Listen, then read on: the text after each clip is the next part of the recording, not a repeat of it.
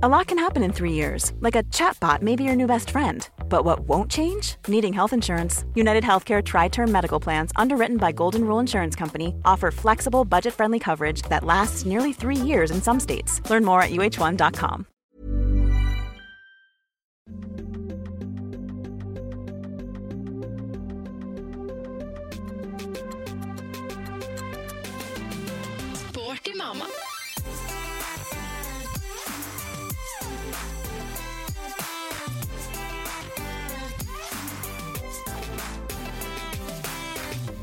Hallo alle kjære lyttere i Sporty Mama. Nå sitter jeg på kjøkkenet hjemme hos meg selv og har fått storfint besøk av Charlotte Karlsen. Velkommen så mye skal det være som gjest da i Sporty Mama, Charlotte.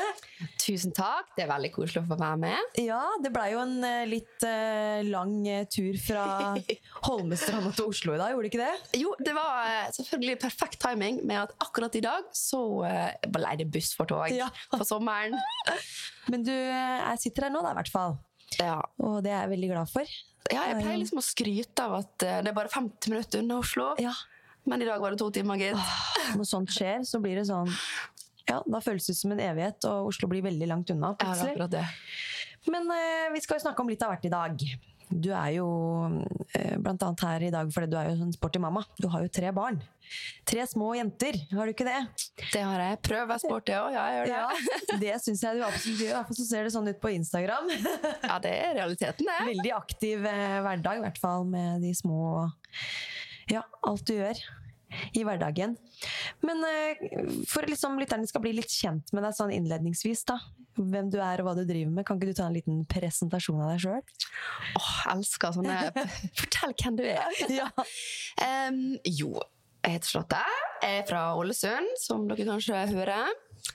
Jeg, om jeg tenker hvor gammel jeg er, 32 år. Jeg, ja. 90-modell? 91. 91 ja. Ja. Klarte ikke å regne engang. Jeg tenkte at jeg var Nei, glem Jeg det. kunne vært 90 og hatt bursdag sent, ja. Ja. men jeg har bursdag i april, så Ja. da er jeg 91. Faen, da er jeg 33 år, da. Søren. Oi! så har jeg tre små jenter. eh, på tvillinger på tre og et halvt snart, og ei lillesøster på eh, litt over et og et halvt. Ja.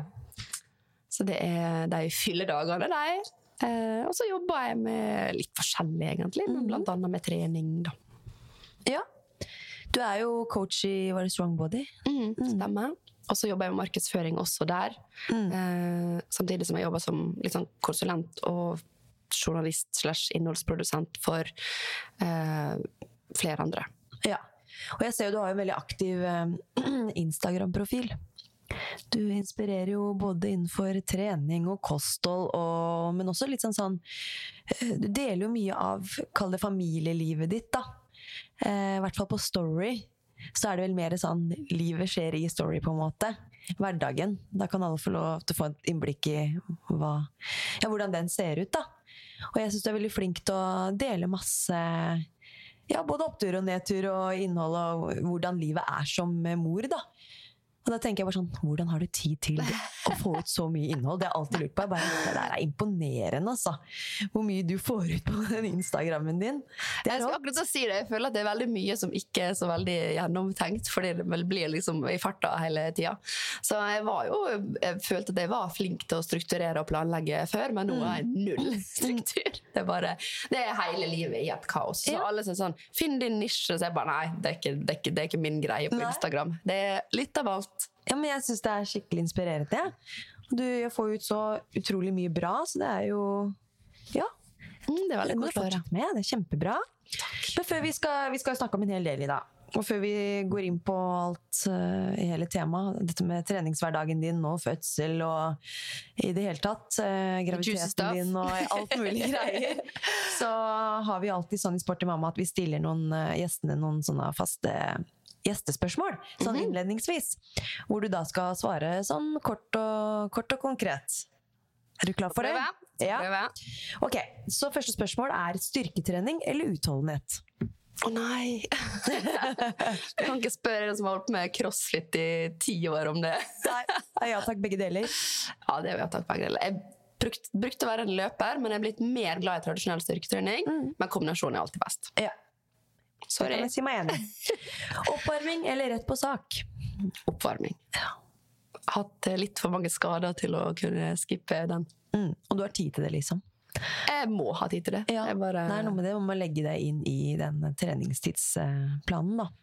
ja, det er ikke verdt det å gå rett på sak og så bli skada. Altså, jeg gjør det av og til, for all del. Jeg er ikke, jeg er ikke perfekt sånn sett, da men komprimerer du heller eh, hoveddelen da, hvis du må bruke litt tid på oppvarminga. Hvis det er sånn at du har liksom, et vindu på en time til å trene på. eh, mm. Ja, men det er ofte at jeg liksom Hvis jeg skal gjøre en øvelse som eh, involverer knebøy, Ja. og så kommer jeg inn i garasjen min der jeg trener, da, og så bare Lurer på om eh, knebøy egentlig er en øvelse jeg er i stand til å gjøre i dag. Fordi jeg er så stiv. på en måte. ja. Da, da må jeg jo Jeg kan jo ikke bare kjøre på med Nei. knebøy, da. Da må jeg liksom Lytte litt opp litt. Så det, det skjer jo også noen Mm. dager at jeg drar for å trene, men ender opp med å bare tøye og gjøre bevegelsestrening. Ja, Fordi det holder, liksom. Ja, eller Kjenner at det er litt stiv i skrotten, og bare bevegelse er det du trenger der og da. Ja, at jeg trenger mer at, å kjenne at kroppen funker, enn at musklene brenner. Rett og slett. Ja. Ja, men det er jo fornuftig tankegang, da. Det, det syns jeg. jeg lytta ikke til kroppen i går når jeg var på økt eh, åh, når jeg trente. For da kjente jeg at jeg var så stiv. Jeg klarte nesten ikke å, å kjøre boxjump, liksom. Jeg kjente at det, beina mine hang igjen sånn ordentlig. Det var ikke noe futt i det hele tatt. Og da måtte jeg bruke litt ekstra tid på oppvarminga, men jeg følte jo ikke at det, det løsna i det hele tatt. Så. Ja, det tar litt tid. Sorry, Lotte, men det er Ja, alderen. det er nok det. Søren så seigt det blir, altså. Men hvis jeg er på time, så da er det ingen brems. Nei. Da Nei. Nei, da glemmer man det, liksom. Men ok, videre. Uttøying etter økt eller rett hjem? Ja, det blir alltid rett hjem. Det er aldri tid til. Nei. Du kjører den stretchinga i starten. Ja. Da får man litt Jobba med de bevegelsesbanene der, liksom. Ja. Eh, dette kommer vi aldri til å se deg trene. Oi. Um, ski, for meg, Ja. er rekreasjon. Langrenn, liksom? Eller Ja. eh, ja. Uh, ja. Jeg så på snowboard. Men eh, langrenn eh, jeg, liker, jeg liker den litt sånn rolige diagonal eh, gang. eh, Med Kvikk Lunsj i Ja, med Kvikk. Lunsj og appelsin. eh, Ja, en gang i timen helst. Ja. Nei, altså, det er veldig fint å gå på ski, og nå blir det ofte sånn Ok, du har en time til rådighet og kjør på, på en måte. Mm. Men jeg føler at ski, det er, det er ikke trening. Altså, det, jeg vil ikke at det skal være en trening. Jeg vil at det skal kose. Ja, det skal ikke være treningsarena for deg, liksom. Nei, nei. Det skal bare være å gå og nyte og bevege seg, være i Så naturen jeg har vært på sånn teknikkurs, men jeg tror du aldri kommer til å se meg trene på ski. Nei. jeg tror jeg kan si meg enig i det sjøl. Eh, ok, videre. Hjemmetrening eller studio? Hvis du kan velge helt fritt. Nei, det er jo da crossfit-syndromet, at jeg elsker å øh, gå på timer. Ja. Men sånn som det er nå, så har jeg ikke kjangs til det i livet, da. Så da blir det hjemmetrening. Ja. Men du har jo egentlig et studio da i garasjen. Ja da, Kan det er er si det veldig, sånn? veldig godt utstyrt. Jeg, jobber jo i ATA treningsutstyr, Mm. så jeg har uh, full equipped eh, kjøpt meg derfra. Så eh, der har jeg alt jeg trenger, altså, for all Mm. Del. Så sånn sett så er det jo litt Men jeg liker jo egentlig best å trene sammen med andre. Ja, Og der blir du jo mest aleine. Mm. Eller med mannen din, da. Dere kjører litt sammen, gjør dere ikke det? Ja, vi, vi prøver å kjøre lunsj eh, i ste- i stedet Ja. for lunsj. Vi lunsjer mens vi jobber, og så Ja. trener vi heller når vi skulle hatt lunsjpause. Ikke sant? Det er smart, det. Ok, T-skjorte eller singlet? Singlet. Ja. Sjokkis eller potetgull? Åh, sjokolade. Definitivt. Så enig. Eh, og hva spiste du til frokost i dag? Veldig konkret spørsmål. Ja, du, eh, det var da toggreier, da, så egentlig så er jeg vanedyr. Men i dag så ble det en eh, havrelatte Mm. på farta. Ja, Og det er veldig ulikt meg, altså. Så du kjøpte det?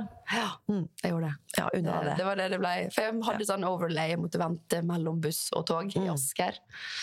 Så var det det jeg rakk. Ja. ja da, men det er lov en gang iblant. da, Ja seg det. det skal være lov. Eh, men da skal vi jo snakke alt fra dette med Du er jo trebarnsmor. Mm. Og da er jeg litt sånn interessert i å vite litt sånn hvordan du ja, balanserer eget liv og egen tid da kombinert med det å være supermamma. For det er jo ikke alltid lett, det. Nå har du fått tre jenter innenfor hva sa du, to års tidsperiode? Ja, tvillingene var ett år og åtte måneder da hun ble født, tror jeg. Må tenke. Du, det er som, sånn som min, da. Erik. Han er jo 18 måneder nå. Ja. Det er som at jeg skulle hatt en nyfødt nå, da. Mm. Eller om to måneder, ja. Og hatt to, da, i tillegg! ja. To Eriker. Å, gud a meg. Ja. Det bare helt vilt å tenke på hva du Ja, hvordan, hvor hektisk det der må ha vært. Og er selvfølgelig enda òg, da. Men nå har jo de blitt litt større og er litt mer selvstendige, sikkert. Men um, ja, er det liksom sånn Ja, det er jo ikke så mye større. da. tid han er født? Er han født av desember? Desember, ja. Ja, hun er født oktober samme året. Ja. ja. Hun minste. Mm. Så ja, det Alle sammen sier du er, nå er verste tida. ja. Sånn. Eh, med hvor lite kontrollerbar og hverdagen er, og hvor lite styring man egentlig har. Da. Fordi alt er så uforutsigbart. og Uh, de har så mye forskjellige behov. Selv om Ja. de er ganske tett i alder, så har de så mye forskjellige behov, og de trenger hjelp til alt. Så det er liksom Nå er den Nå er den tida. Jeg, jeg pleier å si at jeg er flink å leve i nuet. Jeg prøver jeg er flink å leve i nuet. Men jeg bare gleder meg til jeg kan være stor nok til at jeg kan sykle ved siden av mens jeg jogger. på en måte. Ja. For nå er det sånn, Hvis jeg skal sykle, så må jeg dytte deg opp bakka, jeg må bremse deg ned bakka. Ikke sant? Og må være overalt. Motivere, motivere, motivere. Mm. motivere. Så bare litt, litt eldre, det gleder jeg meg til. For nå Mm. føler jeg at nå har jeg hatt baby Altså, jeg har jo hatt ni år med meg, åtte år med baby på tre år, ikke sant? Føler jeg. Så ja. Eh, Det er veldig hektisk akkurat nå. Mm. eh, Og jeg tror at det er på det mest hektiske. Altså for Mm. all del småbarn små problemer og storbarn store problemer. Men, eh, Ja eller utfordringer. Men ja, jeg, jeg håper at snart er over kneika. Ja. Men er du liksom flink til å balansere det, da? Det å liksom være litt gamle Charlotte òg, da, og kunne få litt egentid og slippe å være i den Kall det mammarollen alle døgnets timer. Jeg syns det er ekstremt, ekstremt viktig. Altså både for egen karakter, men også for parforholdet. Mm. Hvis man bare skal være foreldre hele tida, og alt skal være på barnas premisser, så Selv om det er for en periode, så tror jeg at man fort kan miste seg sjøl. Ja.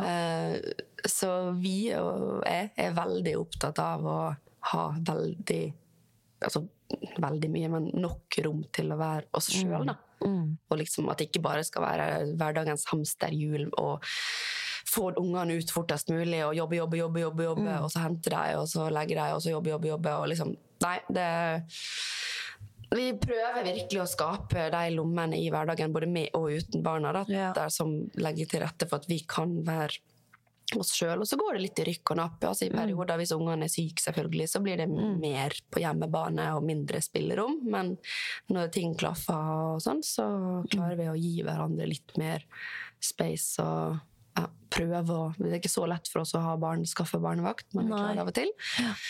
Eh, og at vi liksom utnytter det til det fulle. da, Dra på festival og Ja. gjøre litt sånne ting sammen og bare være oss. da. Men samtidig så merker jeg veldig det sånn med en gang nå når jeg er i Oslo. Hvis jeg er i Oslo uten barn, så får jeg litt sånn åh, det, Jeg føler at jeg er tilbake til det gamle livet. Mm. Du får litt smaken på det. ja, men samtidig så er jo ikke det det livet jeg lever Nei. nå. Eh, så det er ikke sånn at jeg, jeg, jeg savner det ikke, fordi det er ikke meg lenger. Nei, det er noe med det. Men det er veldig deilig å kunne late som, da. Ja. Eh, en dag av gangen. Eh, og ja, rett og slett eh, prøve å glemme alle forpliktelsene, bare, om det så er bare for eh, noen timer. Ja. Det er sunt, det, da. Slippe tankene på ja, barna hele tiden. Ja. Men jeg er fæl på altså, Det kan gå en time etter jeg leverer dem i barnehagen, så savner jeg det. Jeg vil bare dra og hente Det er rart, sånn. det der, altså. Det er et helt merkelig opplegg. Eh, og når de kommer hjem, så vil jeg bare få dem i seng så fort som mulig, fordi de er så ubrukelig sliten. Nei, så det, der har jeg ikke funnet helt balansen Nei. ennå. Men eh, det er jo veldig fint å kunne se fram til ferier og, og sånn. Jeg har litt sånn gru for ok, fire uker. Vi har ikke en eneste dag med barnepass planlagt fra 2. til 31. juli, på en Nei, måte. Og, så det er litt sånn, og hvordan skal vi følge den, uh, fylle den tida der? Mm. Men samtidig så gleder jeg meg veldig til å ta dem med på ting, og de har måte akkurat blitt glad i å gå i fjellet. Ja.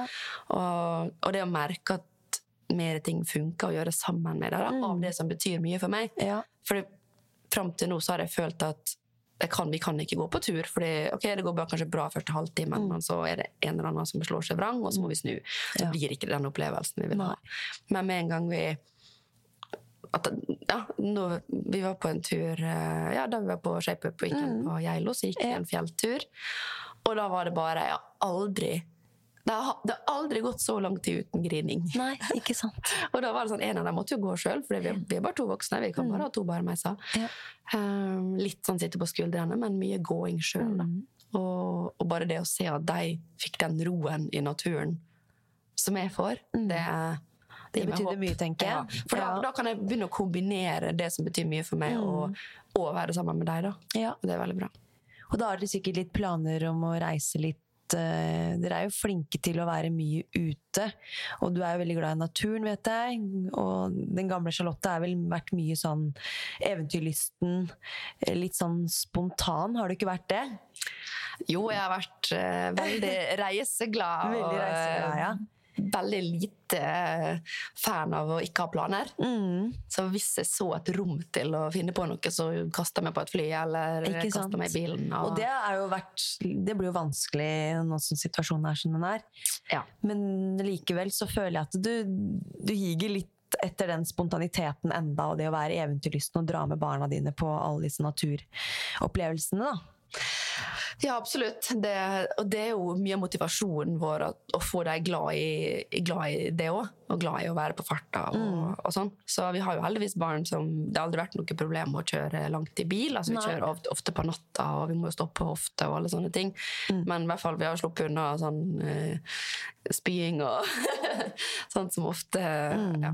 Så det blir mye bilkjøring på oss. Vi er vel på Sunnmøre eh, fire ganger i året, kanskje. Og da kjører vi jo bil i Det blir jo ti timer, da! Ja, Hver vei. det er, eh, det er rått. Og det er viktig å stoppe på veien og Mm. ta seg litt tid. Og, så nå skal vi, vi skal kjøre oppover nå til uka, og da eh, tar vi eh, en natt i Rondane på Ja. veien oppover. Så vi kjører liksom halvveis, Mm. og så overnatter vi, og så går vi en tur, og så ja, bader vi og liksom får det til å ja, Men snakker utforske ikke litt. overnatting i telt da, eller? Nei, da skal vi bo på hotell. Ja.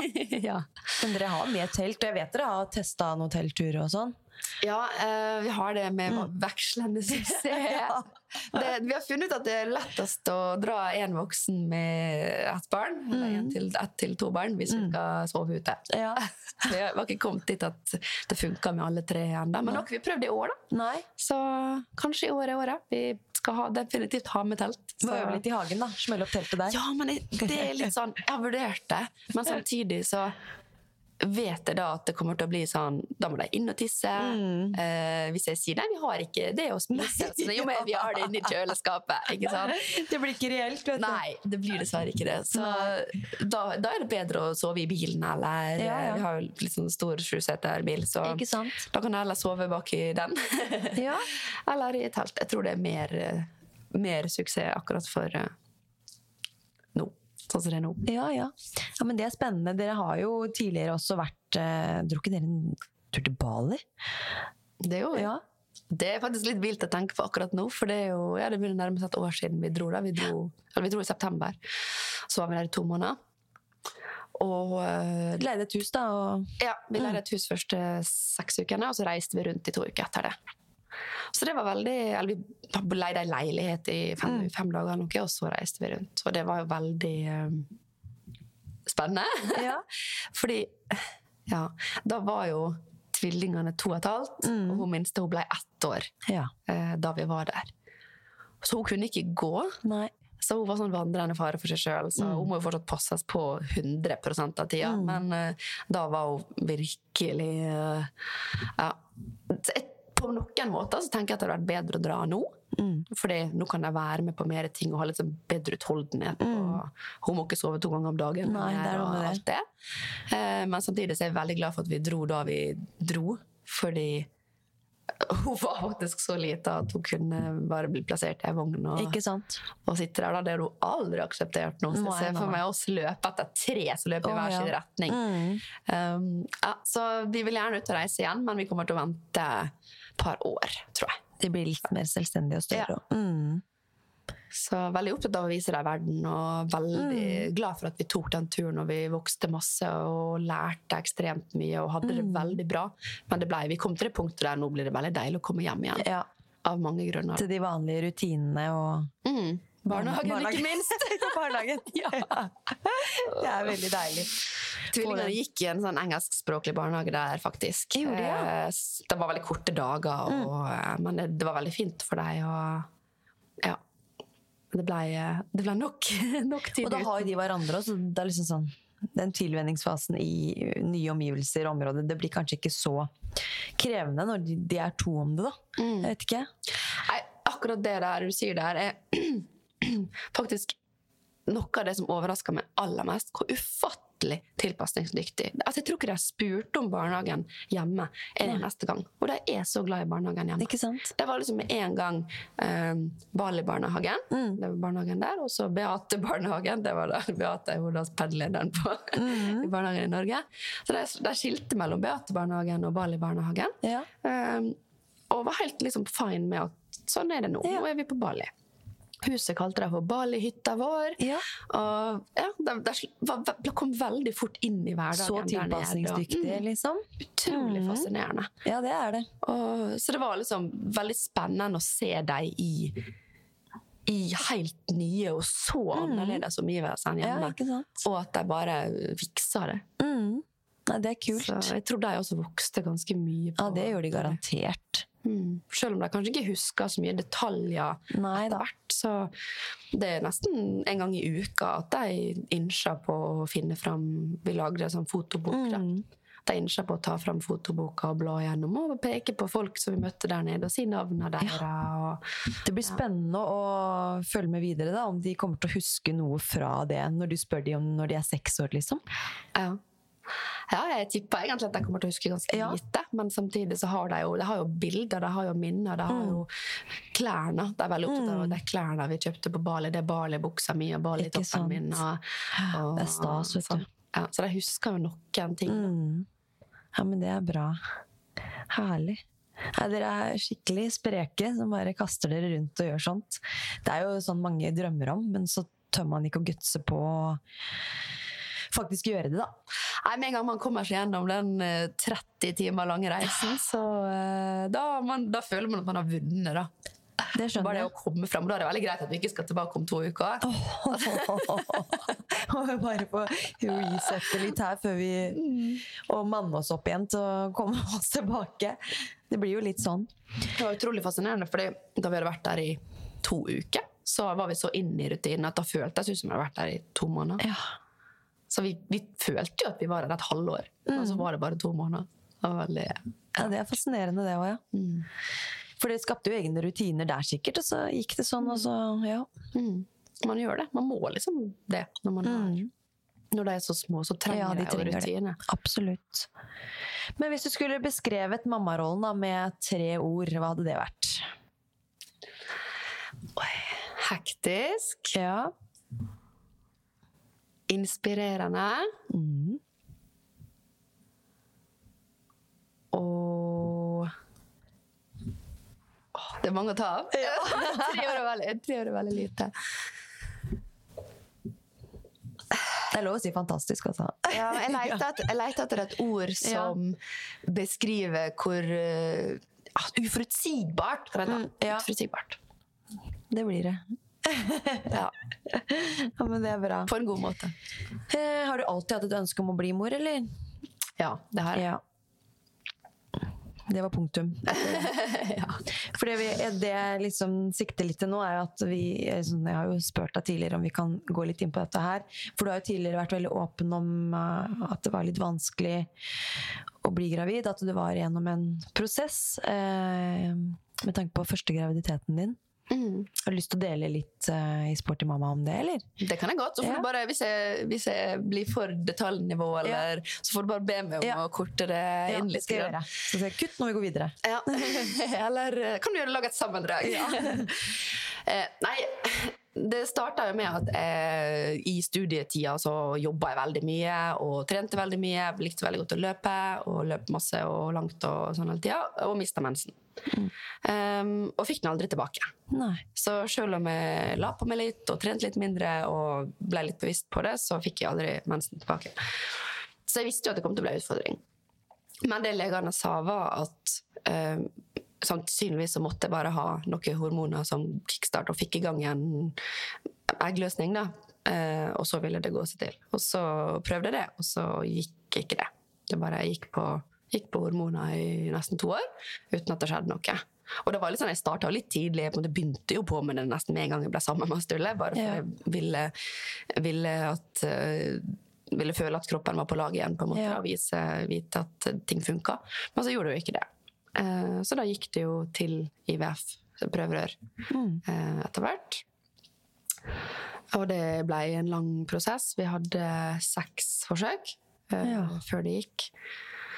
Så vi, vi valgte å gå privat, og så prøvde vi oss på et offentlig forsøk når vi fikk plass der, da, for det var lang ventetid. Mm. Og ingenting bar fram til noe som helst. Det var avbrutte forsøk og sykehusinnleggelser. Og.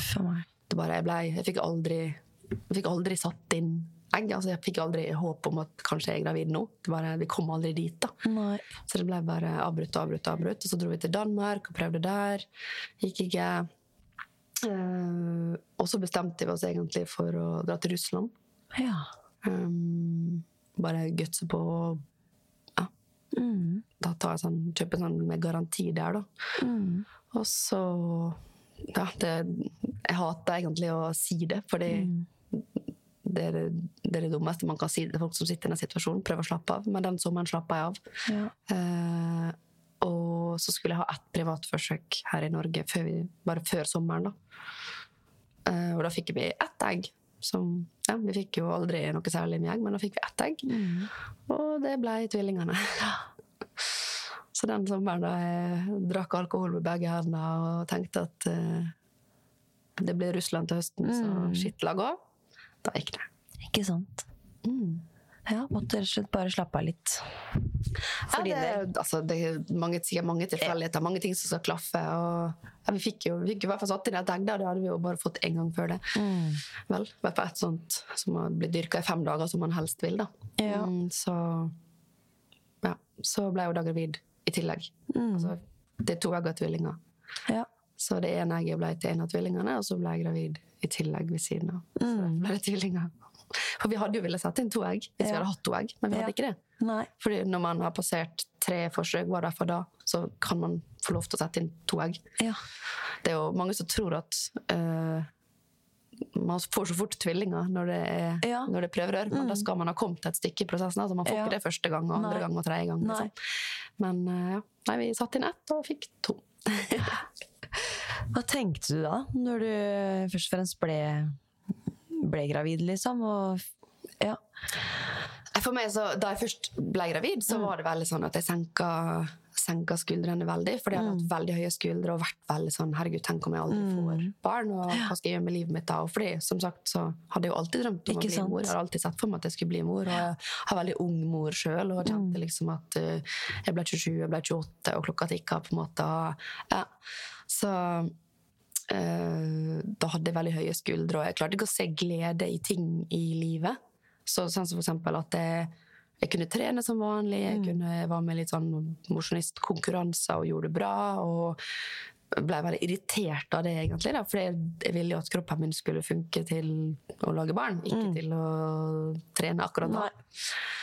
Så jeg var veldig langt nede og syntes at det var veldig, veldig, veldig vanskelig. Så da jeg ble gravid, Mm. så senka jeg veldig skuldrene og bare OK, jeg kan faktisk bli gravid. Det er Mm. et stort, stort, stort steg, bare det i seg sjøl. Så akkurat da så ble jeg veldig sånn jeg må bare, Det er ikke sikkert dette her bærer fram, men eh, jeg kan i hvert fall bli gravid, og det er veldig bra. Ikke sant? måte. Men ble du sånn der litt Hva skal man si, ble du litt redd for å bevege deg og trene for mye og sånn da? Nei, det var det Nei. jeg ikke blei. Jeg blei veldig sånn altså, egentlig tilbake til Jeg kjente jo ikke meg sjøl igjen i disse åra her da vi holdt på. Så var det sånne unngikk sosiale settinger. Mm. Fordi jeg ville ikke, jeg ville ikke se folk som var gravide, jeg ville ikke høre folk snakke om Nei, barn. Jeg fikk skikkelig sånn ja, Det gjorde meg så utrolig vondt at jeg ville bare Ja. sitte inne i leiligheten og pusle puslespill. på en måte. Ja. Uh, så uh, da jeg faktisk ble gravid Jeg ble jo veldig dårlig da. Jeg var kvalm i 15 uker. Ja. Og liksom, jeg, jeg spiste seriøst. Jeg tror ikke jeg spiste grønnsaker. Hele, jeg spiste kun agurk he, hele svangerskapet. Og jeg spiser veldig mye vegetar og ikke så mye kjøtt. og sånn, og det, jeg klarte ikke å spise vegetarmat. Jeg klarte ikke å spise fisk. Jeg lever jo på fiskekake. Eh, Så jeg var, alt var veldig rart, og jeg måtte på måte, det tok så mye fokus det. da, At jeg, jeg hadde ikke jeg, Det å være redd for å miste, det var liksom ikke en del av meg. Nei.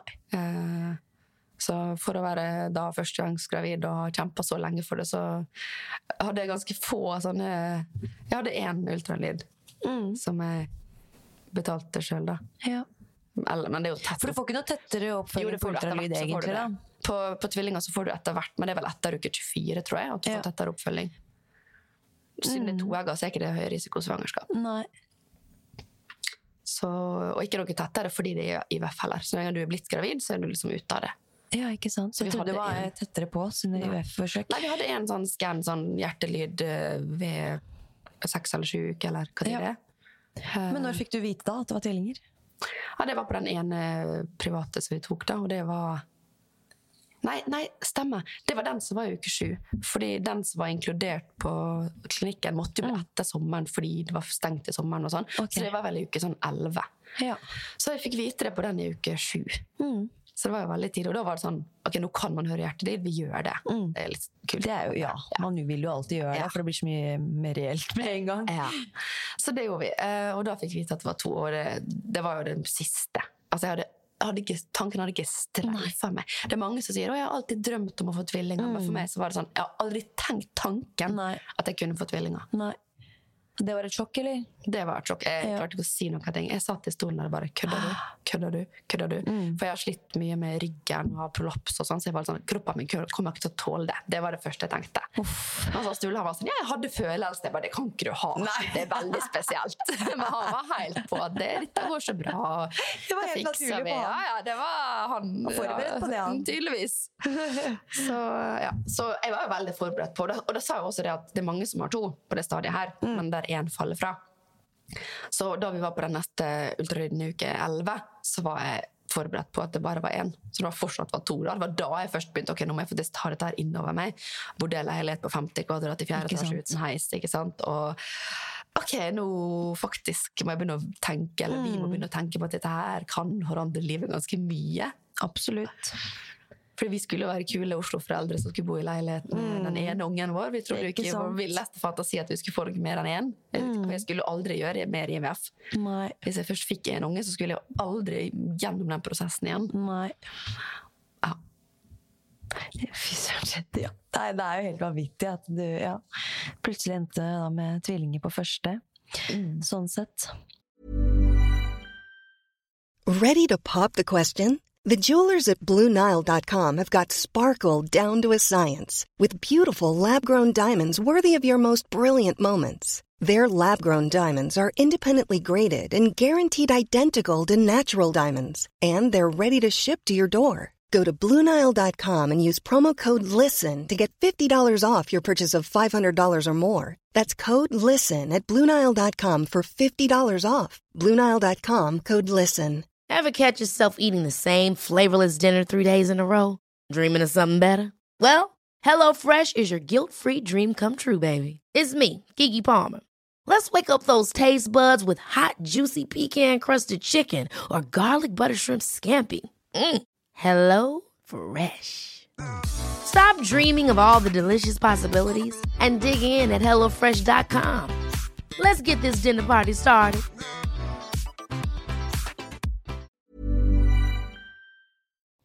Men hvordan, du sier jo at uh, litt sånn vondt i ryggen og slitt litt med det før du ble gravid. Hvordan var det, var det litt sånn, hvordan var treningen i svangerskapet, kan jeg spørre om? Jeg merka ingenting til ryggen. Det var Nei. ufattelig fascinerende. Mm. Nå har jeg jo vært veldig bevisst på å styrke ryggen og trene stabilitet og det jeg trenger for å holde i sjakk. Eh, siden jeg var Jeg fikk prolaps da jeg var rundt 13 år. Ja, såpass. Så jeg begynte å trene styrke med fysioterapeut da. Mm. Eller var vel kanskje 14 da. Da jeg, da jeg begynte å trene. Altså. For jeg var litt sånn ut og inn med kiropraktor, og jeg fant ikke ut hva det var, og så måtte jeg ta sånn MR og CT og Mm. sånn. Og så da eh, begynte jeg å trene med en fysioterapeut. Så jeg har vært veldig bevisst på det og holdt det ganske bra i sjakk. Ja. Um, Merka det med en gang jeg er uten styrketrening. Så jeg, klar, jeg fortsatte jo å trene som vanlig så lenge jeg kunne, men jeg fikk ganske fort vondt i Først var jeg veldig, veldig, veldig, veldig kvalm. Ja. Og jeg hadde jo disse sterke mataversjonene. De hadde jeg hele svangerskapet. Mm. Eh, så det var litt sånn vekslende overskudd. Jeg kunne finne på å spise tortillachips med dipp til middag, for det var det eneste jeg klarte å spise. Mm. Ja, ja. Og jeg tror jeg spiste ost i smørbrød. Det var 80 av dietten min, liksom. Ikke sant. Det var ost med brød. Ja. Eh, kostholdet mitt. Dietten. diet ja. og så, eh, da jeg eh, fikk vondt i bekkenet, så ble det veldig begrensa. Så jeg hadde sånn fire-fem go to-øvelser som jeg gjorde hele svangerskapet. Men jeg, det, var på en måte det var ikke systematisk trening, Nei. kan du si. Det var mer sånn jeg holde Jeg Prøvde å holde holde styrke, styrken i ryggen og bare holde kroppen i bevegelse. Ja. Ja. Men jeg hadde jo det bekken, eh, bekken Jeg hadde både bekkenlåsning og bekkenløsning. Ja. Og låsninga klarte jeg jo på en måte å få gjort litt med hos kiropraktor, og Mm. sånt, men ikke bekkenløsninga får, man- ikke gjort noe med. Så jeg hadde en sånn grense på at jeg kunne maks ha 5000 skritt på klokka. Det var absolutt maks. Mm. Hvis jeg hadde mer enn det, hvis jeg eksempel måtte gå til toget, til og fra toget Ja. og sånn, så var jeg liggende i to dager. Uff. Ja. Så det var ikke så veldig bra trening. Nei. Nei, det er tøft å bære fram to. ja, det, og de var små, òg, så det var ikke, det var ikke større enn én. Altså, hun lillesøstera var jo akkurat like stor? Ja. eh, som de to til sammen. Men likevel så og to, var jo to morkaker og to Mm, fostersjekker, mm. og sånn, så det blir jo litt mer. Men eh, det var ikke sånn, jeg gikk ikke opp så veldig mye vekt. Og det var ikke sånn det var tungt, tungt å bære på, men det var vel bare veldig mye hormoner og greier. Ja. Sjokk for kroppen, sånn sett. Mm, mm. Men du kom deg gjennom det, da. Og hvordan var, eh, hvis vi skal se siste graviditeten, da. Hvordan var, var det liksom helt annerledes følelse å være gravid da, med én? Ja, det var helt annerledes. Ja. Jeg var kvalm i starten. Kvalm i ja, sånn 13 uker, kanskje. Mm. Eller til uke 13. Uh, og det var veldig fint, for da spiste jo eh, Tvillingene da spiste jo gjerne sånn middagsglass, ikke sant? Mm. Og de bæsja og skulle ha bæsjebleie, ny bleie hele tida, og jeg klarte ikke, for jeg var så kvalm. Så stakkars Sturle, han måtte jo mate dem alltid, og han måtte skifte bleie, alle Mm. Ja. bæsjebleier. og- Sånn er det. Ja. Far på tråd til. Ja. Så det var, var bra at jeg hadde slutta å amme, da, tenker jeg, for det hadde vært, da hadde jeg slitt skikkelig. skikkelig, skikkelig. Men ellers så var det veldig annerledes. Jeg hadde ikke så vondt i bekken. Jeg bare sånn litt symfysesmerte, men jeg trente, jeg trente som, som vanlig, egentlig. Mm. Jeg gjorde nesten alt. Litt reduksjon på vektene på de tyngste øvelsene, men ellers helt som vanlig. Mm. Ikke løping, da. Jeg klarte ikke. Nei. Men alt det andre gikk, Mm. gikk relativt greit. Mm, ja, men det er jo fint, da. At du liksom har fått opplevd en god graviditet også, med tanke på funksjonen i kropp, av kroppen og sånn, at det gikk, har gått som det skal, da. På Ja, og så var det jo anna, litt annen timing. Eh, fordi hun minste er født i oktober, så jeg var jo da gravid fra januar. ikke sant? Mm. Fant ut i starten av februar. Eh, så da hadde jeg jo våren. Da var jeg litt dårlig, og så avtok det sånn ut i Mm. april. Og så var jeg egentlig i kjempeform helt fram til fødsel. da. mm, Så gjennom sommeren og sånn. Det var ikke noe tungt og vanskelig å være gravid den sommeren. Nei. Og jeg kunne gå via ferrata, og Ja. liksom det var virkelig mm. ja, ting, ting funka. Da. Jeg, Ja. jeg følte at jeg bare Det var sånn jeg glemte at jeg hadde kul på magen. Så plutselig så bare Oi, det kjennes ut som jeg har noe utapå magen. ikke sant? Fordi, ja, så hun var jo aktiv og, Mm. og sånn, men eh, det var en helt annen opplevelse. Ja. Mm. Men det er jo deilig, da. Men eh, jeg er litt sånn nysgjerrig på fødselen din nå, ja. i hvert fall med tvillingfødsel. Mm. Kan vi snakke litt om det, eller? ja, vi kan det. uh, ja, har du lyst til å dele litt uh, om fødselen, da? Litt sånn, ikke trenger ikke å ta fulle detaljer, men Nei. litt sånn Håper si sammendrag. Nei, uh, egentlig hvordan det hele skjedde, liksom. Fra det starta. Ja. Tvillingene ble satt i gang med Ja. fordi at de var eh, De hadde stoppa å vokse. Mm. Eller vokste veldig veldig lite. Eh, Vekstrestriksjon. Mm. Uten at det var noen grunn til det. Det var ikke sånn at det var dårlig tilførsel eh, fra livmora Nei, eh, morkaka, eller Mm. noe sånt. Livmora, sa jeg det? Var det sikkert det jeg sa i stad? To livmorer, sa jeg sikkert. Så er du så, så inne i det. To morkaker, ja.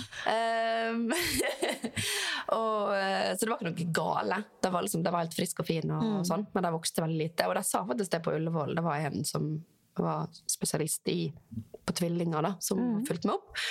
Og han sa at her er faktisk ikke plass. Nei. Altså, det, det er plass til fire kilo baby i magen din, og det er ikke plass til mer. Nei. Um, er jo ikke den aller største jenta heller, så det var på en måte bare De sier jo at magen kan tilpasse seg, men jeg fikk faktisk beskjed om det. At nå- det har liksom nådd sin begrensning. Ja.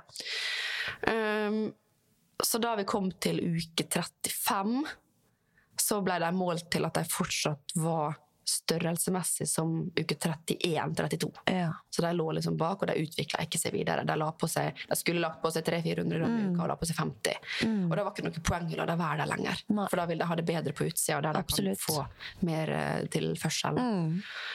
Så da fikk jeg uh, skissert igangsetting. Uh, og så ja, gikk det jo egentlig det over all forventning. Jeg fikk jo beskjed om at det kan ta ei uke.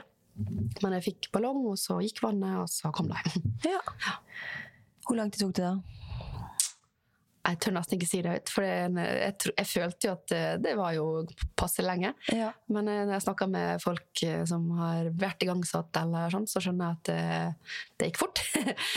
Men eh, jeg fikk ballongen tirsdag klokka 11, og så gikk vannet et døgn etterpå, cirka. Eller kanskje sånn 23 timer etterpå, typ. Eh, og så Men kjente du noe før vannet gikk? Nei. Nei. Det Eller jeg fikk, jeg fikk sånn en modningsrie på Ja. kvelden. Så når jeg hadde hatt ballongen inne i sånn seks-sju timer, da fikk jeg modningsrie. Mm. Og så sov jeg den natta og sov helt fine og lå Ja. på TV-serier og sånn.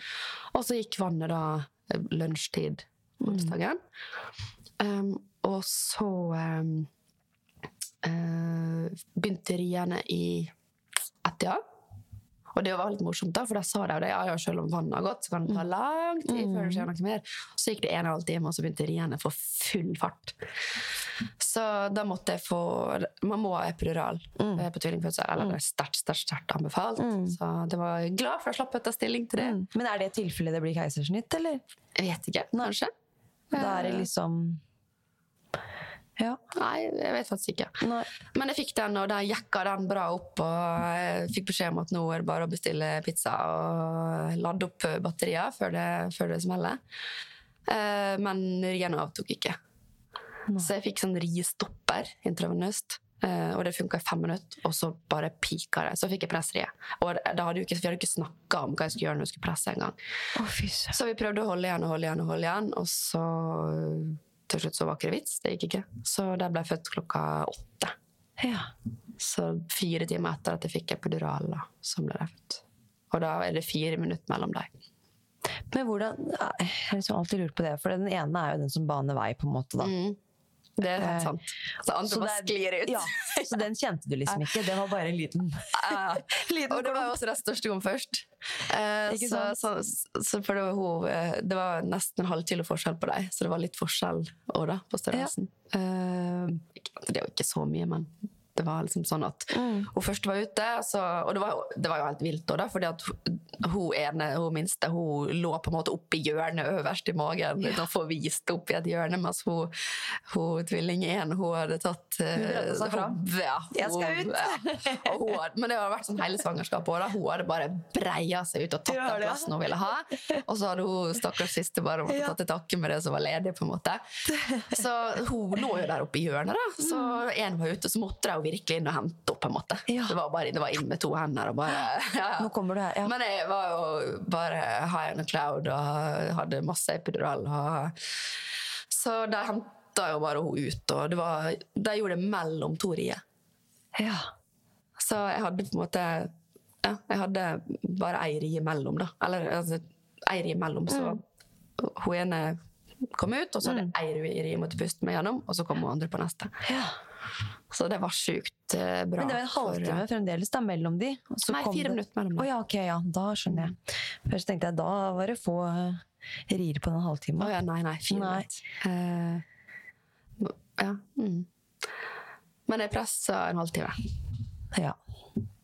Var det vondt, eller? Så, jeg hadde veldig bra epidural, da. Ja. Så det var jo veldig sånn Det får man ekstra dose, eller? Jeg tror det. Det var i hvert fall noe helt annet med hun neste. Ja. Ja, vi hadde epidural der og da òg, men det var jo useless. For den der epiduralen kan jo begrense litt den der Nei, det hadde altså, du, du, Følelsen av press, og du, du blir litt sånn lamma. Altså, du klarer liksom ikke å, Nei, å være med riene da, og jobbe med de. Nei, jeg så jo den skjermen, da, så jeg hadde jo det å forholde meg til uansett. Men det var, jeg følte at jeg bare de tok toppene på riene, men jeg hadde fortsatt full kontroll. Ja. Så, Så, så det var jo egentlig en god opplevelse. da. Ja, det var det. Det var liksom ikke altfor vondt. Eller sånn, det er vondt, selvfølgelig, men Ja, det var jo verst før jeg fikk epidural. Ja. Det var da jeg var på vei å hoppe ut av vinduet der. Ja. Bare fuck this. Ja. Og Sturle sa det. at de venta litt med epiduralen. da. De ville ikke gi deg den før. Ja, det var sånn, det var, jeg, jeg, jeg, jeg kan alltid sånn, anestesilegen er opptatt med et eller annet, du må vente litt, og så når du tror at du dør på neste rie, så er det sånn, kommer om tre kvarter! Ja, nei. Ah, nei, eh, og Sturle er liksom altfor høflig, og han sitter ikke der og krever akkurat. Han sitter og bare, Mm. Ja, ja, da får vi vente litt til da, ikke sant? Så jeg bare, nei! Så da, da var jeg på vei ut vinduet på Ullevål der, og bare, nei, ta heller uh, knert, knerta meg selv i asfalten enn å gå gjennom det her. Ja, da er det vondt. Ja, nei, så da kom hun, da, og, så, og da var det gått for langt. Så jeg var sånn, jeg klarer aldri i verden å sitte i ro. Jeg klarer ikke å sitte i rommet som skal sette denne epiduralen. Og så, ja. og så satt jeg, jeg satt i lotus-stilling i senga og på en måte prøvde å slappe av og puste og overleve. Typ.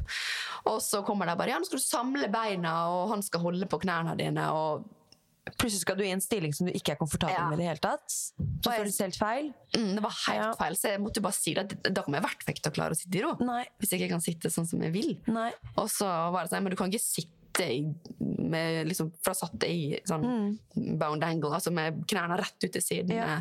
og bøyde meg fremover. da. Og det var sånn, dette ser jo ikke komfortabelt ut i det hele tatt, så, men det er jo jeg som bestemmer hva som er komfortabelt. Ja, absolutt. Eh, Så hun var superflink, hun anestesilegen, så hun satt den jo da. Og da var det tette rier, altså det var ja, Jeg tror det var åtte sekunder mellom riene. Da hadde dårlig tid. Da satt hun. Ja. Og hun satt den perfekt. Ja, ja det var godt. Det. For det er jo en rist da, når det blir for heavy, og begynner å sette den De setter jo gjerne ikke den hvis man har, har jeg sa det. Hvis ikke klarer å stor sitte i ro, så kan du ikke. Nei. Det er nå eller aldri. Å, Gud a meg. Det var godt du fikk den, altså. Det ble ikke noe pizza, da, for å si sant. sånn. Det var der kom løperen inn Det fra, ja, kom fra pauserommet og bare sånn Jeg lurte på tid du skulle blinge på, for nå har vi sittet og sett på skjermen. For jeg, det hadde jo gitt meg riestopper, ikke sant. Jeg visste jo ikke at den ikke funka. Uh, så det tok seg opp veldig raskt. Jeg bare, men nå har jeg epidural og riestopper, det bør jo roe seg nå. Og så bare gjorde ikke det det. Så da jeg satt og så på skjermen og lurte på tid jeg skulle blinge på da. Så ja, da jeg kom inn der, så var det da var det time. Fy søren. Så da fyltes rommet opp med studenter og i det Mm. hele tatt. Jeg tror det var elleve det var 11 personer inne på rommet der jeg ble født. Ja, ikke sant? For det er jo ikke så ofte det skjer kanskje sånn tvillingfødsel. Det... Ja, det var veldig mye akkurat da. da. Så vi ble jo, vi ble jo shippa til Tønsberg. For Ja. det var egentlig eh, Vi bodde jo i Oslo da vi fikk fødeplass, mens Mm. vi hadde jo flytta til Holmestrand. Så Tønsberg var jo egentlig nærmere. Så vi ble sendt dit i ambulanse da, etter noen Mm. Ja. dager. Ikke sant? Mm. Men er det noe ekstra oppfylling fra helsevesenet i tiden etter en tvillingfødsel, eller? Eh, På mor? Ja, eh, på mor og barn og familie og Nei, ikke på mor. Nei, ikke på mor, nei. Ikke på mor, men for barna er det det. I hvert fall på hun, eh, hun yngste, nei, hun yngste tre, hun minste hun var under to kilo. Og da er det del som sånn breaking point. da. Mhm. Så hun har jo hatt full oppfølging. Vi måtte til slutt si at det er veldig fint om dere bare bruker ressursene på andre ting. Ja. Fordi det føltes så veldig feil. Mm. Fordi hun er jo, nå er jo hun by far større enn søstera. Mm. Hun som var minst, og hun, har jo på en måte, hun er jo på størrelse med sine jevnaldrende. Men Ja. hun som var størst ved fødsel, hun er fortsatt lita. da. Ja. Eh, Det har jo selvfølgelig med matinntak og Mm. søvn å gjøre. Men eh, at hun største, som er da Hun ligger foran i alt. Mm. At hun skal bli fulgt opp så tett i mange mange, mange år etterpå. Det var, vi må, vi, til slutt så sa vi fra da, at det er veldig fint om dere heller bruker ressursene på Mm. eldreomsorgen eller, eller kvinnehelse. Eller, ja. Mm. det, vi avstår fra tilbudet, men tusen takk, på en måte. Ja. Så, men det var altså veldig betryggende og veldig fin oppfølging vi fikk på sykehuset. Ja, vi var på sykehuset ei uke. Um, og ja, det var veldig sånn, betryggende, det. Men, Mm. mm, men det har gått veldig fint, altså. Ja. Ja, det Selv om de var små. Ja. Det var mye måling og veiing og måling av Mm. mat og hurra meg rundt i starten, men eh, ja.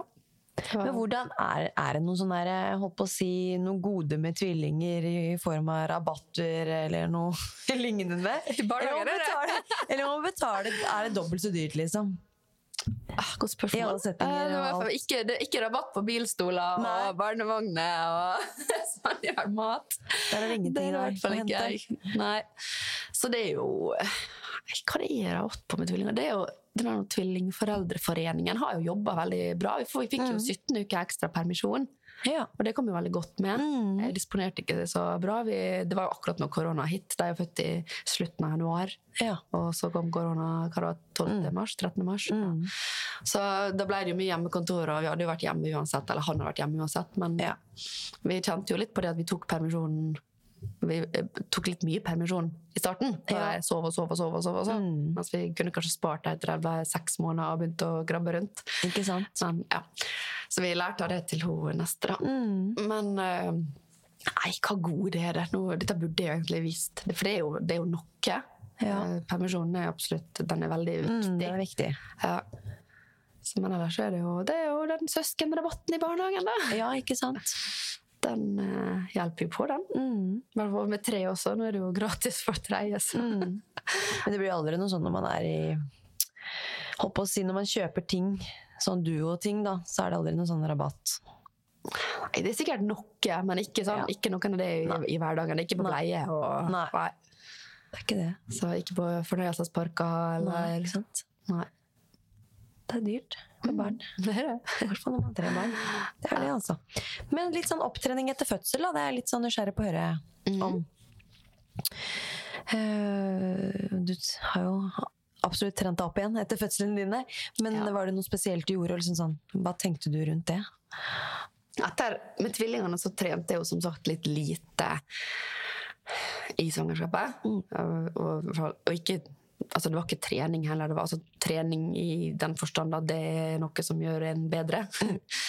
og jeg satt i system, så var det jo ikke det. Det var jo på en måte bare beveg, prøvde å bevege meg litt.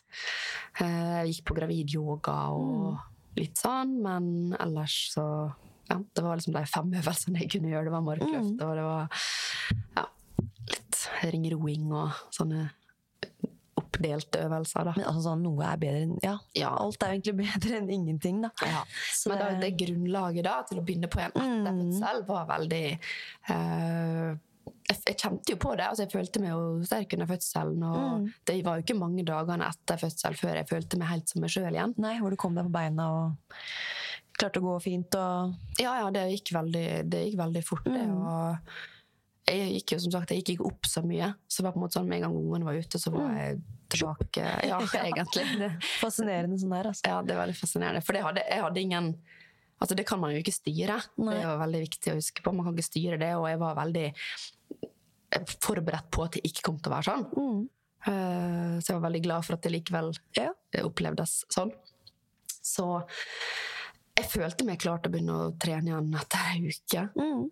Eh, Så jeg begynte med litt sånne stabilitetsøvelser og trene opp kjernemuskulaturen og sånn etter kanskje to uker eller Ja. ja, noe sånt. da.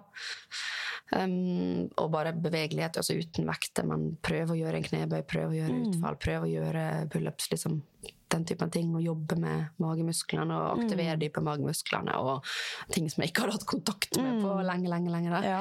Så sånn sett så bygde jeg meg veldig gradvis opp. Så jeg tror jeg hadde første joggeturen kanskje etter en måned. Sånn rolig sånn 800 meter joggetur, og så Ja. økte jeg meg liksom 500 meter uh, hver gang, tre ganger i uka. Så bygde meg veldig gradvis opp. Mm. Um, og da Jeg hater å være støl. Det virkelig det. er Sånn, Ja. Jeg syns det er så forferdelig å være støl, for det, da blir jeg 80 år. Selv sånn godstøl, liksom. Syns du ikke det er litt deilig? At når du så strekker deg litt, så kjenner du at ok, åh, Ja, det litt deilig. det, det er litt, altså, Kjenne at du har jobba, det er godt. Ja. Men sånn sånn støl at du nesten ikke klarer å gå ned, trappa. liksom, Nei, det er forferdelig. Det syns ikke er nok om. Fordi, Nei. hvis jeg da har ei økt som jeg vet at gjør meg støl, Mm. Så da vet jeg at da er det tre dager uten trening. Da. Ikke sant? Ja. Og det liker ikke jeg. Nei. Uh, så jeg var jo veldig redd for å få det etter fødsel. Mm. Men det slapp jeg da fordi at jeg tok det så gradvis. Det er smart, det. Så, altså, selvfølgelig. Den første crossfit-økta, og da klarte jeg ikke å kle på meg. På, Nei. så noen sånne hadde jeg selvfølgelig. Men det hjalp veldig å ta det, å ta det gradvis. Mm. Og eh, med andre i svangerskapet så trente jeg jo helt fram, Mm. eh, som vanlig. Og da, da var det også sånn at jeg følte meg klar til å begynne å trene igjen etter ei uke. Ja. Eh, litt eh, Jeg var opptatt av tungknipøvelser og Ja. å aktivere bekkenbunn Mm. hele tida, så jeg hadde litt ekstra fokus på det. Selvfølgelig også etter fødsel og fortsatt innimellom. Ja. Du er litt flink på den der, liksom, og gjør litt bekkenbunns. Ja, Mm. men altså, det blir jo mye styrkeøvelser som inkluderer bekkenbunn. Altså Ja. hip trust og Mm. på en måte bare få med bekkentilten, Ja. selv om det ikke Og er alltid, å knipe litt underveis og Ja, sånn. knipe mens jeg løper, og Mm. være litt bevisst på det, da. Ja. Men det, det var veldig mye lettere etter et, For da hadde jeg på en måte Da gjorde jeg skulderpress med vanlig vekt Mm. dagen jeg fødte. Ikke sant? Ikke sant? Så da var ikke det Da var ikke det sånn at jeg måtte komme tilbake til Nei, det. da hadde du rutinen inne og sånn. Ja. Og... Ja, så det var, verst, det var i verste uka. og- Det var liksom uka etter fødsel, første uka etter fødsel, da man må virkelig ta det med ro. Og Mm. La kroppen få Ja. seg sjøl. Og etter riet, ikke minst. Altså, Ja, det hadde du jo, mye av det? ja, fy søren, det er forferdelig. Ja. Og det var jo lenge også. Uh, det var vel mest det som bremsa meg. Mm. Ja. Livmora skal trekke seg sammen igjen og reparere seg. Guri. Og det var jo store unger, da, i hvert fall for at disse to små Ja. som jeg fikk først. så ja, det var Men hvordan var motivasjonen din, da? Eh, med tanke på å komme tilbake i form etter fødsel. Var du ordentlig motivert, eller sleit du litt med, med det? jeg var veldig det som, altså det som var mest demotiverende, det var Mm. den tanken på den stølheten. Ja. For jeg syns det er så frustrerende. Mm. Så det er jo gjennomgående så er jo det min motivasjon for å ikke stoppe å trene, Ja. egentlig. Så på de dagene jeg ikke har lyst til å trene, Mm. eh, da er det, jo, det er jo da man skal. Det er jo da man Ja. må gjøre det, for det er jo da man trenger det mest, som oftest. Men i hvert fall bare tanken på at jeg kan ikke ta en uke fri, da, for jeg blir så fort støl. Ja. Hvis jeg, altså, jeg, hvis, jeg, hvis jeg trener jevnlig, hvis jeg trener styrke i hvert fall to ganger i uka, så blir det ikke støl. Nei. Mens med en gang jeg har bare ei uke pause, så blir det så Mm. støl.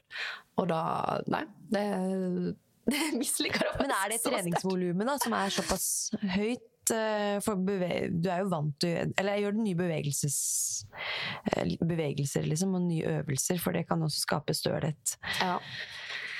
Opp, jeg, jo, jeg har ganske bredt øvelsesutvalg Ja. i øktene mine. Mm. Så jeg, gjør ofte en sånn Kaster sammen ti øvelser bare for å motvirke at, de, at musklene skal få hvile. Mm. Touch litt sånn. innovat, liksom. Ja, rett og slett.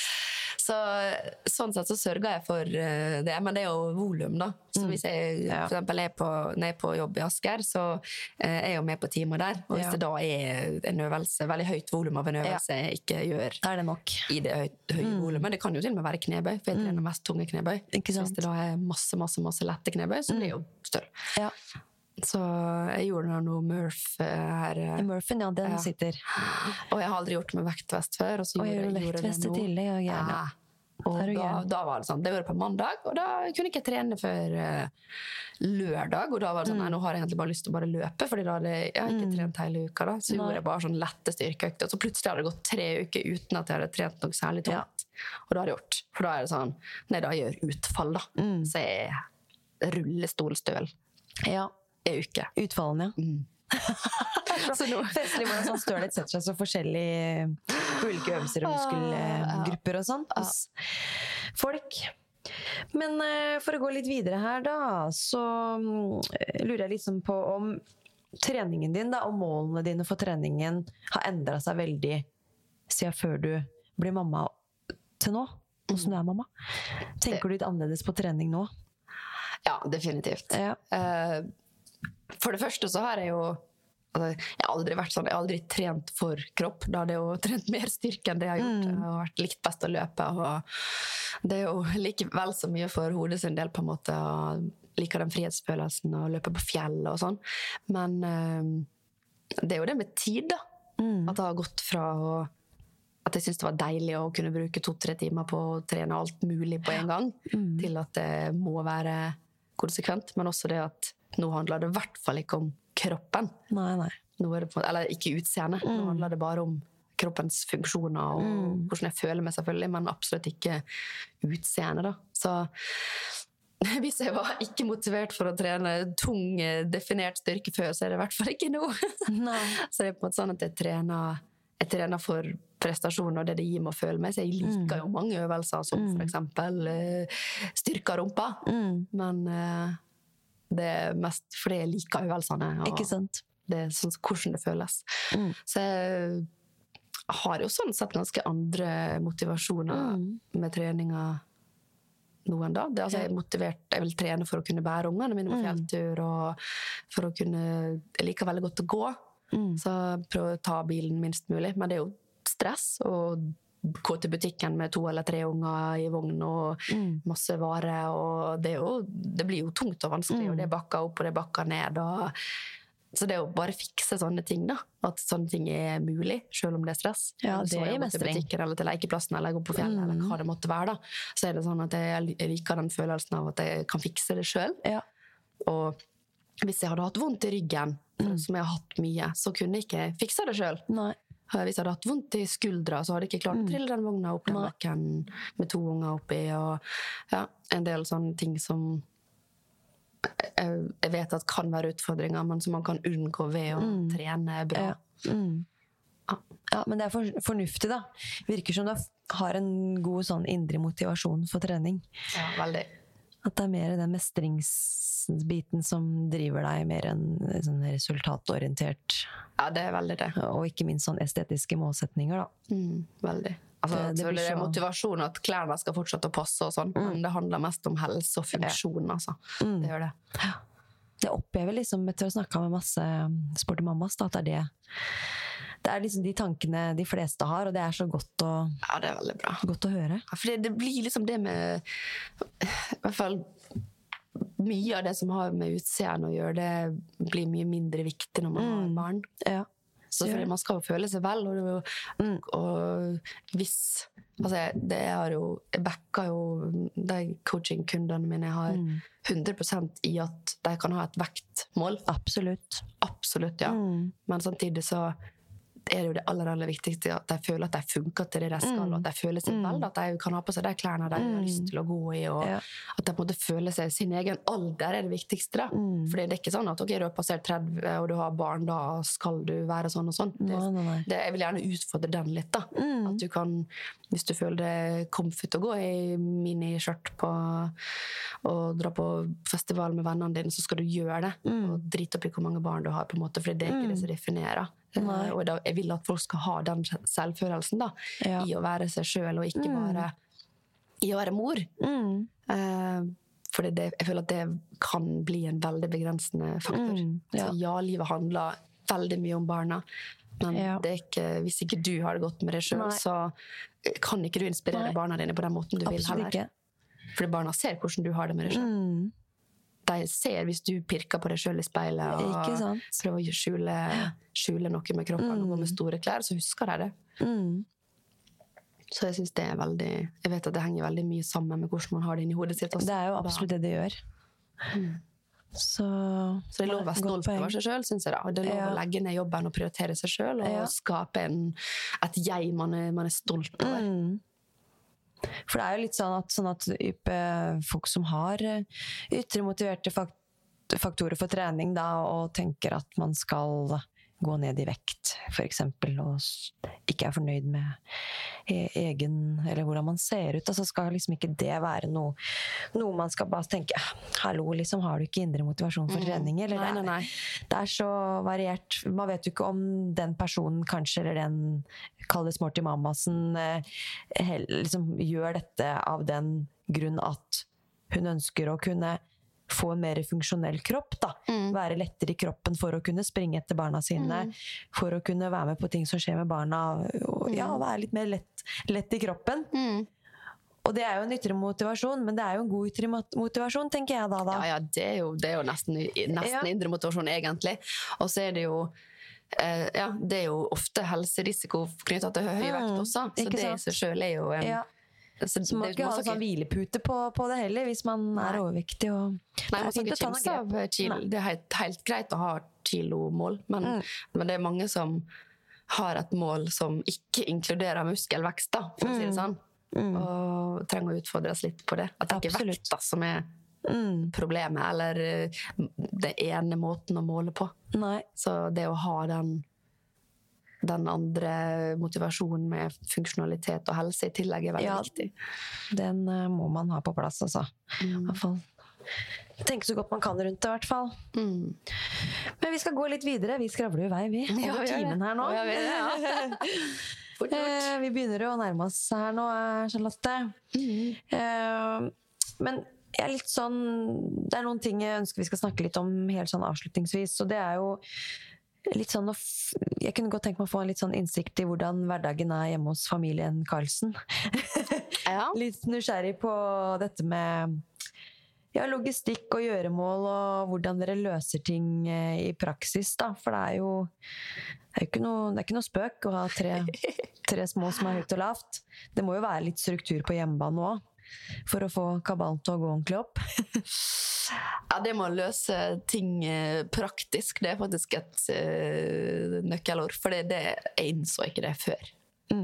Jeg tenkte at ja, vi tar jo bare med ungene. Med tvillingene så tok vi jo det bare med. Mm. For én voksen klarer å ha ansvar for to barn, men én voksen kan faktisk ikke.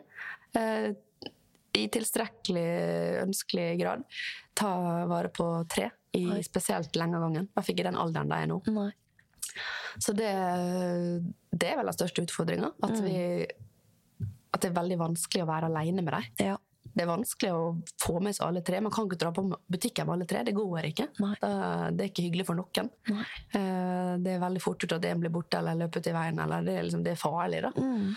Og det er en del sånne, sånne ting som gjør at hverdagen Altså vi har måttet omstrukturere hverdagen ganske mye. Absolutt. Så jeg måtte jo si opp min faste stilling fordi jeg kunne ikke være på kontoret så mye som man øh, trengte. Nei. Eller måtte. Det var krav om. Og Stulle likeså. Han måtte også øh, altså, gå over til gradert stilling da, for, å, for å kunne være hjemme nok. Fordi ellers så, altså Det går jo an å hente i barnehagen alle tre, det går an å levere i barnehagen alle tre, men det er ikke, man får ikke noe får ikke noe fint ut av tida da, eh, når, når det er bare armer og bein og ja.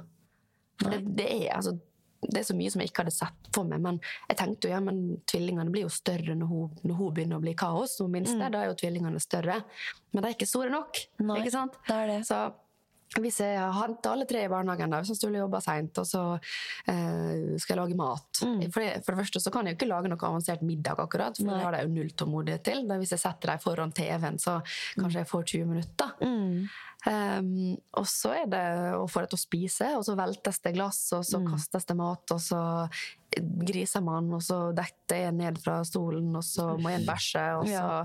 da løper den andre ut døra og skal ut i hagen og opp trampoline. Ikke sant? Mm. Det er bare kaos. Det er kaos. Uh, og, det, og dette her med fint vær, så kan du se for deg hvis alle skal på seg regntøy og støvler og sånn i tillegg. da. Nei, så det er jo ganske mange sånne utfordringer som ja, Bare det å, at man kan ikke dra på butikken da, hvis man er alene med deg. Det er jo sånn, ok, Hvis du er hjemme ei helg, da må du planlegge godt. Da må du planlegge godt, ja. Da må du kjøpe inn alt. Og, Mm, Og så, og så må du egentlig da holde deg i, i og rundt huset. Det er jo ikke bare bare å dra til altså Det går an å putte alle i bilen og dra til en lekeplass. Eller putte alle i sykkelvogna. Det er Sturle sin nye Putte alle tre inn i Ikke sykkelvogna. sant? Sånn, du som er uten sele, du må sitte i ro! Ja! Og få lokket igjen med sagt lydlås. Ja, ja, ja. Nå er du trygge. De er flinke til å ha på hjelm, heldigvis. Mm. Ja, nei, så det er en del sånne ting som gjør at det er hyggeligere når vi er to voksne, Ja, gjerne enda flere. Men dere håper, får dere litt avlastning òg, eller? Det er lite. Tanta mi henter tvillingene i barnehagen eh, ja, det skal på mandager. Så det blir vel kanskje tre mandager i måneden. Da. Ja. Eh, så da har hun de par-tre timer, blir det jo. ja. Så det hjelper jo, for alle. Mm. Vi har jo fortsatt én hjemme. Ja, det er det. Så, ja, så har vi svigermor kommer og hjelper til av og til. Ikke sant? Ja. Altså sånn, hun bor langt unna, så det er snakk om noen ganger i året. Ikke sant? Så, men ellers er det lite avlastning. Altså. Vi har noen barnevakter som vi støtter oss litt på av og til, men det, er sånn, det har med økonomi å gjøre da. Man kan liksom ikke leie inn barnevakter, det er ustanselig. Så Mm. det blir eh, Det er barnehagen. Ja, men dere har ikke noen familie, annen familie i nærheten der dere bor? Er det ingen av dere som kommer fra der dere bor nå? Holmestrand? Nei, det er ingen av oss. Nei. Han er fra Oslo, eh, og ja, der er det mora da, som er i bildet, men hun Mm. bor egentlig oppe i Gudbrandsdalen. Oh, ja, ja. eh, og men hun har en leilighet i Oslo, hun er, men hun er der for å jobbe, på en måte. Mm. Så hun jobber her i Oslo. Ja. Så det er ikke sånn at hun kan ikke komme til oss og være der i flere dager, Nei. eller hun kan ikke hente i barnehagen, eller Mm. sånn da, uten at det, så det er sånn vi planlegger det to måneder på for, i forveien, og så kommer hun og ser henne noen dager, og helg gjerne da, og så drar hun igjen. Mm. Eh, Mine foreldre bor jo i Ålesund, så det, Mm. der kommer jo også bare på helgebesøk, og da er vi, da er vi sammen. Ja. Det er ikke sånn at de tar ikke med seg ungene vekk fra oss. Nei. Så dere hadde dere tenkt på å flytte til Ålesund, da? Vi, vi hadde faktisk der. sånn backup om at hvis det blir veldig hektisk, Mm. da da Sara eh, minste var baby, Ja. at vi kunne flytte dit og være der et halvår, et år kanskje, da. Mm. Men så gikk det seg til, og så dro vi til Bali, og så Ja, det, det var helt greit, da. Mm. For da blussa jo korona opp igjen, og da var det måte grei, mer greit med hjemmekontor, og da fikk vi det til å gå opp med henting og levering i barnehagen og sånn. Så da gjorde ikke det. Og så jobba jo foreldrene mine, da, så det er ikke sånn at de har Nei, så mye tid til overs heller. De Nei. verner om sin ferietid. Mm. Det skal de bruke til kvalitetstid. Forståelig nok. Så det blir, det blir liksom mer disse helgebesøka og så litt lengre i forbindelse med Mm. jul, påske, sommer. da. Ja. Ja. Det er en hektisk tid for dere, altså. Det skjønner jeg veldig godt, med tre små. Det er jo, jeg sitter her og tenker på at jeg syns det er hektisk med én, helt ærlig. Og nå, da tenker jeg at jeg bare må skjerpe meg. Bare tenke at nå skal jeg begynne å tenke på deg når ting er litt sånn Jeg føler at det er litt kaos her hjemme.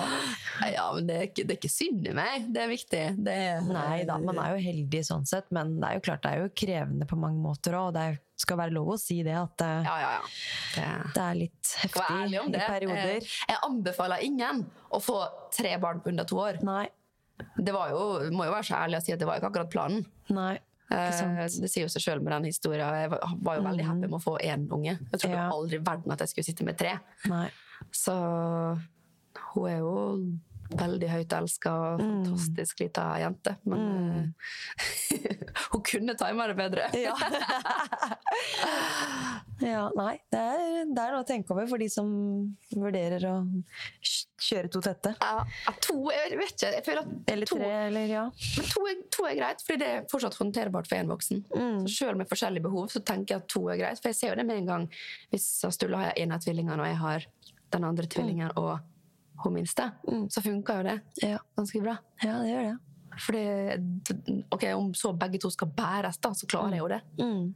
Men når det er tre, så blir det alltid en som sitter og griner. 'Jeg vil også kose mamma!' Mm, det er det. Så ja, det det er den logistikken. Det er den Ja. praktiske som er veldig Man har for få Det må jo være et veldig godt team, da.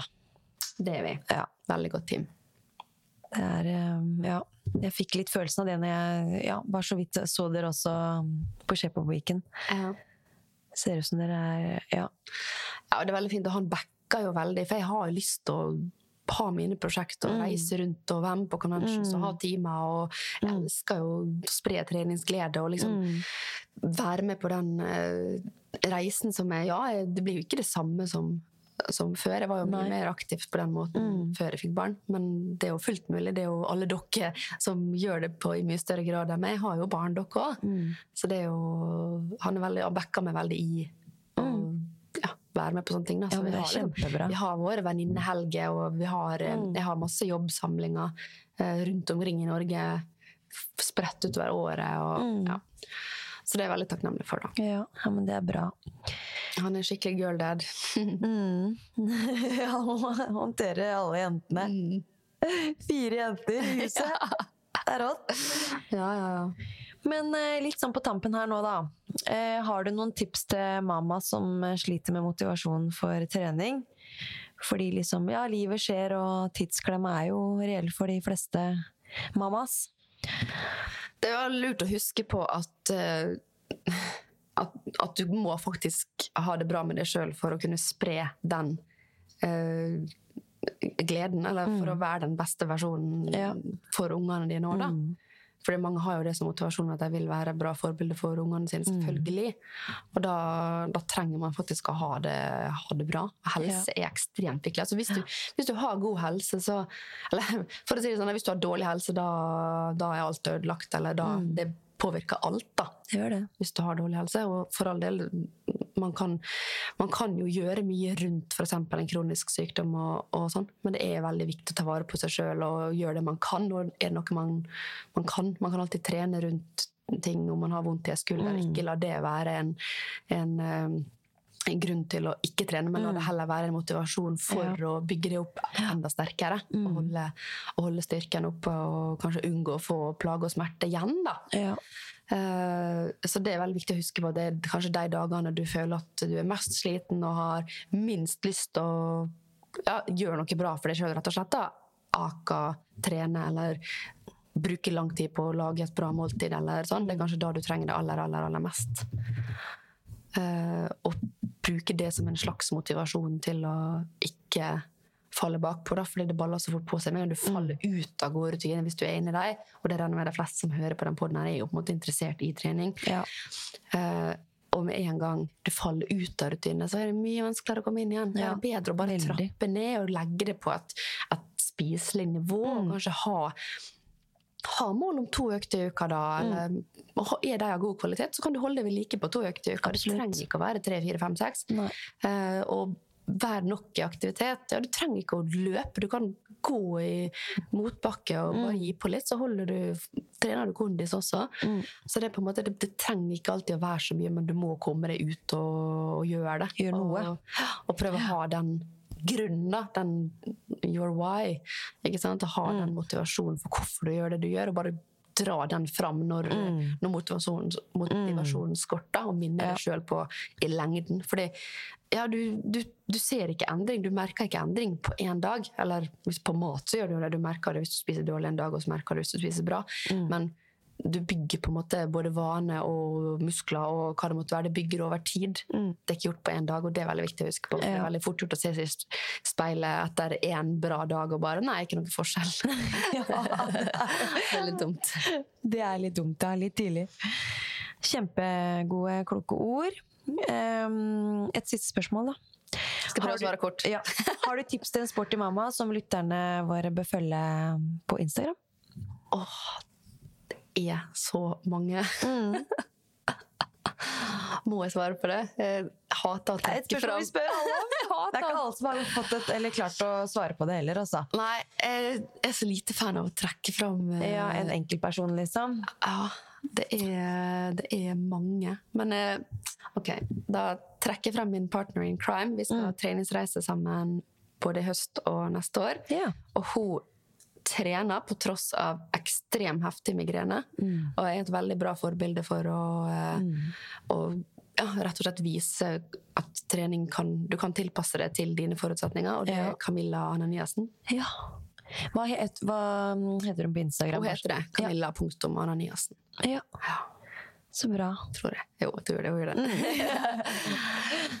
så hvis dere ikke har oppdaga henne, så er hun en uh, gledesspreder og veldig eh, bra motivator på tross av uh, store plager og utfordringer i hverdagen. Ja, men så bra. Det var fint. Da må jeg takke så mye da for en hyggelig prat. Jeg ønsker deg masse god sommer med ja, familien, og nyte alle de koselige, små og store ja, hyggelige stundene man får, da. Likeså. Takk, takk. Ehm, og så må jeg også benytte sjansen til å ønske lytterne våre god sommer.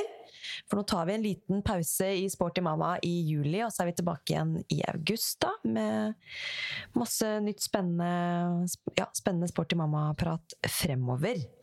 Så da må dere nyte sommeren masse, og forsøke å bevege dere litt mellom slaga. Ok, ha det bra! Ha det bra. Ha det bra. Sporty mamma.